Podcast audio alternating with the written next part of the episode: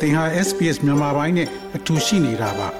sbs.com.au/burmese မှာပုံမထူးခဲ့တဲ့သတင်းစာမားတွေကိုရှားဖွေပါ SBS မြန်မာပိုင်းကို အင်ကာနဲ့စနေနေ့ည10:00နာရီမှနားဆင်နိုင်တယ်လို့အွန်လိုင်းကနေလည်းအချိန်မီနားဆင်နိုင်ပါပြီ။ ချိုးဖောက်ခံခဲ့ရတဲ့ဆုံးရှုံးခဲ့ရတဲ့အခွင့်အရေးတွေအတွက်ပြန်လည်ကုစားနိုင်ဖို့ဆိုတာဟာမြန်မာပြည်သူတွေအတွက်လိုလားချက်တစ်ခုပါအာနာသိန်း၃နှစ်ကြာကာလအတွင်းမြန်မာနိုင်ငံဟာအစုလိုက်အပြုံလိုက်အသက်ခံရမှုတွေအိမ်မီးရှို့ခံရမှုတွေစစ်ဘေးရှောင်ဖြစ်ရောက်သွားရတဲ့ဘဝတွေနဲ့စစ်အာဏာရှင်စနစ်ရဲ့ဆိုးကျိုးတွေကိုခံစားနေကြရတာဖြစ်ပါတယ် ဒီလိုအခြေအနေတွေကိုစစ်ကောင်စီကျူးလွန်နေတာဖြစ်ကြောင်းတပ်တွေအထောက်ထားတွေရှိနေပေမဲ့နိုင်ငံတကာတရားခုံရုံးကနေပြစ်ဒဏ်ကင်လွန်ခွင့်ရနေစေပါဒါကြောင့်ပဲကျူးလွန်သူတွေကိုတရားစွဲဆိုပြစ်ဒဏ်ချတာအတိတ်ကဖြစ်ရက်တွေကိုမဖုံးဖိပဲဝန်ခံဖြေရှင်းပေးတာနစ်နာခဲ့ရသူတွေကိုရော်ကြေးပြန်ပေးတာစတဲ့အသွင်ကူးပြောင်းရေးဆိုင်ရာတရားမျှတမှုတွေရှိလာနိုင်ဖို့မြန်မာပြည်သူတွေအခုကတည်းကလိုလားနေကြပါတယ် လက်ရှိနိုင်ငံရဲ့အခြေအနေမှာတော့တရားမျှတမှုအတွက်ကိုယုံကြည်ရာအစုအဖွဲ့တွေကိုသာအားကိုးနေရတဲ့အခြေအနေဖြစ်တယ်လို့နိုင်ငံရေးလှိလာသုံးသက်သူဒေါက်တာဆိုင်ကြည်စင်ဆိုကဆိုပါတယ်အထူးသဖြင့်ကျွန်တော်ငကိုတွေကဒါရေးနာရေးအဖွဲ့ရှိခဲ့တယ်ဆွမ်းလောင်းအဖွဲ့ရှိခဲ့တယ်ဘာသာရေးအစုအဖွဲ့ရှိခဲ့တယ်ဒါဘယ်သူနဲ့ဘယ်သူနဲ့အငင်းပွားတယ်ဆိုရင်ဒါတက်ဆိုင်ရာအားကိုးရတဲ့အစုအဖွဲ့တွေစီမှာတွားပြီးတော့ဒါတရားမျှတမှု တောင်းဆိုကြတဲ့ဟာဒီအဲ့အလေးချိန်ကြီးပြန်ပေါ်လာတယ်ပေါ့နော်ကျွန်တော်တို့ရှိလာတဲ့အစုဖွဲ့မှုကအချင်းချင်းယုံကြည်မှုပြီးနားလည်မှုနဲ့တည်လာတဲ့စုဖွဲ့မှုတွေဖြစ်နေတဲ့ဟာကိုကျွန်တော်တို့ကသဘောပေါက်ဖို့လိုတယ်ဆိုတော့အဲ့ဒီဟာကိုမလုပ်ဘဲနဲ့ကျွန်တော်တို့ခုနက2020ကထွက်လာတယ်2008ကပေးရထားတဲ့တရားဝင်မှုဆိုတဲ့ဟာကြီးကင်ဆွဲပြီးတော့ဒီဟာမှာနော်ပုံစံတစ်ခုတွေနဲ့အကုန်လုံးတန်းတူပုံစံမျိုးလိုက်ဖွဲ့တာမျိုးကျွန်တော်တို့တကယ် local မှာရှိတဲ့ပြည်သူလူထုနဲ့ပြန်ပြီးတော့ပဋိပက္ခပွန်တိုက်မှုတွေဖြစ်လာနိုင် တယ်။အဲဒီပွန်တိုက်မှုကနေတစ်စက်ဒီအုပ်ချုပ်စီမံမှုပေါ်လာမယ်နောင်ပေါ်လာမယ်အဟာပေါ်မှာလူထုကယုံကြည်မှုမရှိဘူးလူထုရဲ့ပါဝင်ပတ်သက်မှုမရှိဘူးဆိုရင်ကျွန်တော်တို့အရင်တော့စနစ်ပုံစံအတိုင်းကျွန်တော်ပြန်လည်သွားစီရရှိတယ်တရားမျှတမှုလို့ပြောရမယ်ဆိုရင်မြန်မာနိုင်ငံမှာအထင်ရှားဆုံးကအစုလိုက်ပြုံလိုက်အသက်ခံရမှုတွေပါ အာနာမသိငင်ကရောအခုအာနာသိငကာလာမှာပါရိုဟင်ဂျာအရေးကစားလို့စစ်ကောင်စီကျူးလွန်တဲ့အမှုတွေအထိနစ်နာသူတန်းချီရှိခဲ့ပါတယ်အာနာသိန်းကာလအတွင်းမှာပဲစစ်ကောင်စီရဲ့ပေါ်ပေါ်တင်တင်ကျူးလွန်မှုတွေကြောင့်တနိုင်ငံလုံးလူစုလိုက်ပြုံလိုက်တက်ခံရမှု60ကျော်ရှိခဲ့တယ်လို့လူခွင့်ရေးလှုပ်ရှားတဲ့အဖွဲ့တွေကစည်ရင်ပြုစုထားပါတယ်။ ဒီထဲမှာတော့စကိုင်းတိုင်းဒေသကြီးကအစုလိုက်ပြုံလိုက်တက်ပြတ်ခံရမှုဖြစ်စဉ်အများဆုံးရင်ဆိုင်ခဲ့ရတာပါ။ပြီးခဲ့တဲ့တစ်နှစ်အတွင်းမှာပဲဒေသခံ18ဦးသေဆုံးခဲ့တဲ့ဆုံချောင်းဖြစ်စဉ်လူ190ကျော်သေဆုံးခဲ့ရတဲ့ဗစီကြီးဖြစ်စဉ်တွေပါဝင်ခဲ့ပါတယ်။ ဒီလိုမျိုးစစ်ကောင်စီကျုံးလွန်မှုတွေနဲ့ပတ်သက်ပြီးစစ်ကောင်စီသတင်းပေးဒလန်ဆွဆွဲချက်တွေကြောင့်သေဆုံးခဲ့သူ6000ကျော်ရှိတယ်လို့လည်းစစ်ကောင်စီ channel တွေကထုတ်ပြန်ထားပါတယ်။အဲ့ဒီလိုနှစ်ဖက်အပြန်အလှန်ဆွဆွဲကျွလွန်မှုတွေအပေါ်မှာလဲကျွလွန်ခဲ့သူတွေကိုအပြစ်ပေးအရေးယူနိုင်ရေးအတွက်အသွင်ကူးပြောင်းရေးကာလတရားမျှတမှုမှာပြင်ဆင်ထားရမယ့်လုပ်ငန်းစဉ်တွေရှိသင့်နေပြီလို့တိုက်တွန်းသူတွေလည်းရှိပါတယ်။ မုံရတပိတ်လူထုဥဆောင်မှုကော်မတီဥက္ကဋ္ဌဖြစ်သူမတ်ချောစုစံကဟိုတော်တော်ကျ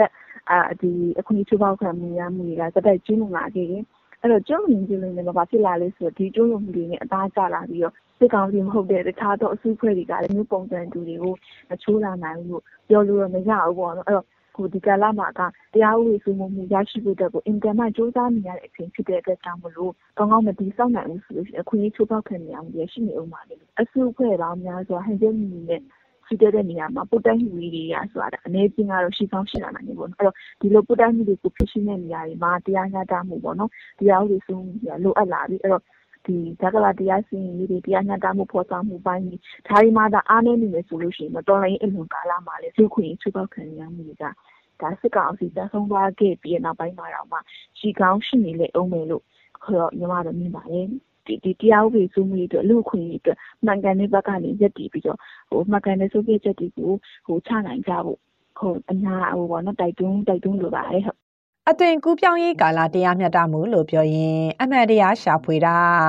ကျွလွန်ခဲ့မှုတွေမှာပါဝင်ခဲ့တဲ့တာဝန်ရှိသူတွေကိုတရားစွဲဆိုတာနစ်နာခဲ့ရသူတွေရဲ့ဂုဏ်သိက္ခာနဲ့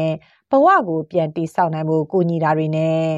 အတိတ်ကဆိုးရတဲ့လူခွင့်ရေးချိုးဖောက်မှုတွေလိုထပ်မဖြစ်အောင်အမခံပေးနိုင်ဖို့အဖွဲ့အစည်းဆိုင်ရာပြုပြင်ပြောင်းလဲတာစာရတွေပါဝင်ပါတယ်။ မြန်မာနိုင်ငံအနေနဲ့အာဏာသိမ်းကာလအလွန်အသွင်ကူးပြောင်းရေးကာလရောက်တဲ့အထိပြစ်ဒဏ်ကျူးလွန်သူတွေကအရေးယူမခံရဘဲလွတ်မြောက်နေအောင်မဲ့ဆိုရင်တရားမျှတမှုကပျောက်ဆုံးနေမှာဖြစ်တယ်လို့သုံးသပ်မှုတွေလည်းရှိပါတယ်။အာနာရှင်စနစ်အဆက်ဆက်စစ်ကောင်းဆောင်တွေဘက်ကအပြစ်ဝင်ခံတာမျိုးမရှိခဲ့တဲ့အပြင် NLD အစိုးရလက်ထက်မှာလည်းစစ်ကောင်းဆောင်တွေကိုအရေးယူနိုင်ဖို့ထည့်သွင်းစဉ်းစားတာတွေမရှိတာကြောင့်ဝေဖန်ခံခဲ့ရပူပါတယ်။ ဒီလိုအရေးယူမှုတွေအစဉ်အဆက်မရှိကြတာကကျူးလွန်လဲဘာမှမဖြစ်ဘူးဆိုတဲ့အယူအဆတွေနဲ့ထပ်မံကျူးလွန်တဲ့ဖြစ်စဉ်တွေရှိလာနိုင်တာပါ။ဒါကြောင့်ပဲနှွေဦးတော်လန်ရေးကာလအတွင်းမှာလည်းတည်ဆုံခဲ့ရသူတွေအိုးအိမ်မဲ့ဖြစ်သွားရတဲ့ဘဝတွေပြန်တည်ဆောက်နိုင်ရေးဆုံးရှုံးခဲ့ရတဲ့လူသားတဦးချင်းစီရဲ့အခွင့်အရေးတွေအတွက်ပြန်ကူစားနိုင်ဖို့ကကြီးမားတဲ့လိုအပ်ချက်တစ်ခုဖြစ်နေပါတယ်။ အာနာသိန်းကာလအတွင်းမှာပဲ နိုင်ငံတော်ရဲ့ငါပြည်သူပေါင်း8000ကျော် စစ်ကောင်စီရဲ့ ကျူးလွန်မှုတွေကြောင့်တေဆုံးခဲ့ရပါတယ်။ဒီလူတွေအတွက် တရားမျှတမှုရရှိဖို့ လမ်းကြောင်းကို တွေ့နိုင်ဖို့ အခုကတည်းက ပြင်ဆင်ထားသင့်ပြီလို့ ပြောလာသူက ဒီမိုကရေစီဖွံ့ဖြိုးတိုးတက်ရေး လှုပ်ရှားဆောင်ရွက်မှုကော်မတီ ACDC ရဲ့စီယုံလှုပ်ဆော်ရေးမှုမတ်တင်စာရှွန်လေးပါ ဖက်ဒရယ်ဒီမိုကရေစီကသာလေမြန်မာပြည်ရဲ့ အာခေတ်ဆက်ဆက်နိုင်ငံရေးအချက်တဲ့အဖြစ်ဖြစ်တယ်ပေါ့နော်ကျမတို့ target လောက်ရမှာကစနစ်ဖြစ်တယ်စနစ်အပြောင်းလဲလုပ်ရမယ်ကျမတို့တိုက်ခတ်ရမှာကကျမတို့မကြိုက်တဲ့စနစ်ကိုဥဆောင်နေတဲ့ခေါင်းဆောင်တွေကိုတိုက်ခတ်ရမယ်ကျူးလွန်ခဲ့တဲ့သူတွေဒီအမှားကိုပြန်ပြီးတော့ဝန်ခံရမယ်အဲ့အမှားတွေပြန်ပေးဆက်ရမယ်အဲ့ကျူးလွန်ခဲ့တဲ့သူတွေဒီခေါင်းဆောင်တွေပဲဖြစ်တယ်ပြီးရင်ဟိုသွေးစွန်းနေတဲ့လက်တွေနဲ့ကျမတို့ပြန်ပြီးပေါင်းစည်းဖို့လည်းမဖြစ်နိုင်ဘူးအဲ့တော့တရားမျှတမှုရနိုင်တဲ့အခင်းချင်းကိုရအောင်တွားရမယ်အဲ့ကြားထဲမှာကျမတို့ပြည်သူအချင်းချင်းတက်ဖြတ်တဲ့ တိုက်တဲ့ဟာတွေပေါ့နော်ဒါတွေကိုရောက်နိုင်တဲ့များရော့ပြီးတော့စနစ်ကိုတိုက်ဖို့စူးစမ်းရမယ်လို့တော့မြင်ပါတယ်ရှမ်းမြောက်ဒေသမှာအောက်တိုဘာလကုန်ပိုင်းကစတင်ခဲ့တဲ့10-20ကွန်စစ်စင်ရေးအတွင်းတိုင်းရင်းသားလက်နက်ကိုင်အဖွဲ့တွေအားတာခဲ့ပေမဲ့စစ်ဘေးရှောင်နေရတဲ့ပြည်သူတသိန်းနီးပါးရှိခဲ့ပါတယ်။ကရင်နီမှာစတင်ခဲ့တဲ့17 17စစ်စင်ရေးအတွင်းမှာလည်းအယက်သားပြည်သူတွေအိုးအိမ်စွန့်ခွာထွက်ပြေးတိတ်ဆောင်နေကြရတာတပီနယ်လုံးရှိတဲ့လူဦးရေရဲ့85ရာခိုင်နှုန်းလောက်ဖြစ်နေတာပါ ISP စီရင်တွေအရအာနာသိန်းကာလ3နှစ်နီးပါးအတွင်းစစ်ဆောင်ရေးအတွက်ဟာနိုင်ငံအနှံ့၄တန်းကျော်ရှိနေပါပြီဒီလိုကိန်းဂဏန်းတွေမြင့်တက်လာတဲ့အမျှဂုံတိတ်ခါရှိစွာနေထိုင်ခွင့်ကိုဆုံးရှုံးနေရတဲ့နိုင်ငံအနှံ့ကစစ်ဆောင်တွေအတွက်တရားမျှတမှုမတိုင်ခင်လူသားချင်းစာနာမှုအကူအညီတွေကအရေးတကြီးလိုအပ်နေတာပါစစ်ပြေးရှောင်နေရသူတွေအတွက်အသွင်ကူးပြောင်းရေးကာလရောက်မှတရားမျှတမှုရှာဖို့တဲ့ လက်ရှိကာလကုညီဖြည့်ဆည်းပေးနိုင်ဖို့ကအရေးတကြီးလိုအပ်ချက်ဖြစ်နေပြီလို့စကိုင်းတိုင်းအတွင်းမှာစစ်ရှောင်ရေးကုညီနေသူတူကဆိုပါတယ်။ဆိုတော့အဲဒီဆိုရဲ့ဒီဝန်ကြီးဌာနနဲ့စိတ်ဆက်ပြီးတော့မှတကယ်ကိုတိရောက်တဲ့စီမံခန့်ခွဲမှုတွေကောင်းမွန်တဲ့စီမံခန့်ခွဲမှုတွေကျော်လွှားနိုင်မယ်လို့ကျွန်တော်ပြောချင်ပါတယ်ပေးဆပ်ရမှုအနည်းဆုံးနဲ့စစ်ကိုအနိုင်တိုက်ဖို့ဆိုရင်တော့ပြည်သူလူထုတွေရဲ့အခန်းကဏ္ဍအတွက်ပေါ့နော်ဒါတွေကိုလည်းအားလုံးဟိုထည့်သွင်းစဉ်းစားဖို့ပေါ့နော်ပြည်သူလူထုစီကဟိုထောက်ပံ့ကူညီမှုကိုပဲတောင်းဆိုနေရတဲ့ ပြည်သူလူထုရဲ့ဒုက္ခကိုမျှဝေခံစားပြီးတော့မှဒီဟာတွေကိုအတက်နိုင်တော့အထီးကိုင်းနေနိုင်ဆုံးတော့စီရေးဆိုတဲ့စီရေးဒီပါပေါ့ဗျာနိုင်ငံရေးဆိုတဲ့နိုင်ငံရေးပေါ့ခုနပြောတဲ့ဒီလူသားစာနာကိစ္စရပ်တွေကိုလည်းဒီလိုမျိုးထိထိရောက်ရောက်တကယ်ကိုကောင်းမွန်တဲ့စီမံခန့်ခွဲမှုတွေနဲ့ဒါဆောင်ရွက်ဖို့လိုပါတယ်လို့ကျွန်တော်ပြောချင်ပါတယ်ဗျ။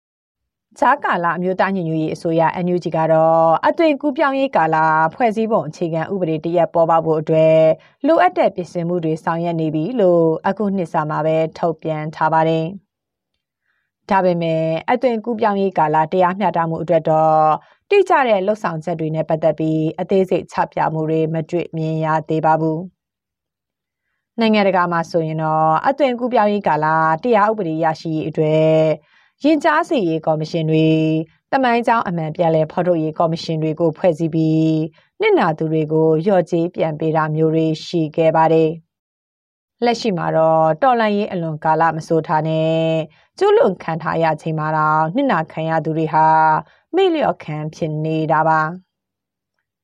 ကရင်ပြည်နယ်ဖရူဆိုမြို့နယ်မူဆိုကျေးရွာအနီးစစ်ကောင်စီရဲ့ပထမဆုံးပြည်သူအစုလိုက်ပြုံလိုက်တပ်ဖြတ်ခံရမှုဖြစ်စဉ်မှာ တားနဲ့သမီးနှစ်ယောက်စလုံးကိုဆုံဆုံလိုက်ရတဲ့မိခင်ဒေါ်အက်စတာကတော့ပျောက်ဆုံးနေတဲ့တရားမျှတမှုအတွက်မျှော်လင့်ယုံသာကြနိုင်သူပါကိုမချင်နာလဲဘာတခုမှတလောက်တာလည်းမဟုတ်လူကြီးတွေအကြီးပိုင်းတွေကကိုယ့်အသက်ကိုအမှုပပအောင်တရားမျှတမှုရအောင်လောက်ခိုင်းစေချင်တာနည်းနည်းပြည့်ပြည့်အဲ့လိုမျိုးပဲတည်ထားတာအဲ့ဒါပဲဖြစ်နေတာနော် ဟိုအဖွဲ့အစည်းတခြားအဖွဲ့အစည်းတွေကဒီကိစ္စကိုတည်ထဲမှာဘာတခုမှမပေါ်လာမပေါ်ပေါက်သေးဘူးပေါ့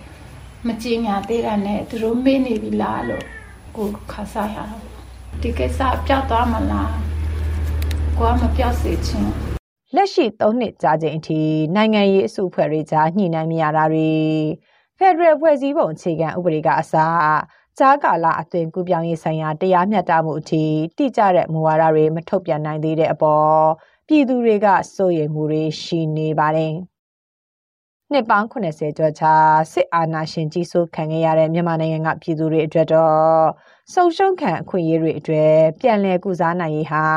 မမတ်နိုင်သေးတဲ့အိမ်မက်တစ်ခုဖြစ်သားရှိနေတာပါ။ဒီသတင်းဆောင်မကိုတန်လင်ခက်ကပေးပို့ထားတာဖြစ်ပါတယ်။ sbs.com.au/bemis ကို home နေရာမှာထားပြီးတော့အမြဲတမ်းနှာစင်နိုင်ပါတယ်။နောက်ဆုံးရသတင်းတွေ၊စောင်းမားတွေနဲ့စစ်တမ်းတွေမှာပါဝင်ပြီးတော့ဆက်သွယ်မှုလုပ်နိုင်ပါတယ်။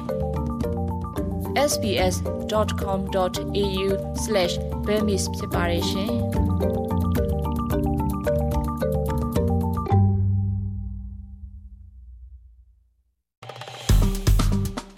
SPS မြန်မာပိုင်းကို Facebook ပေါ်မှာ like ရှာပြီး like မျှဝေမှတ်ချက်ပေးပါ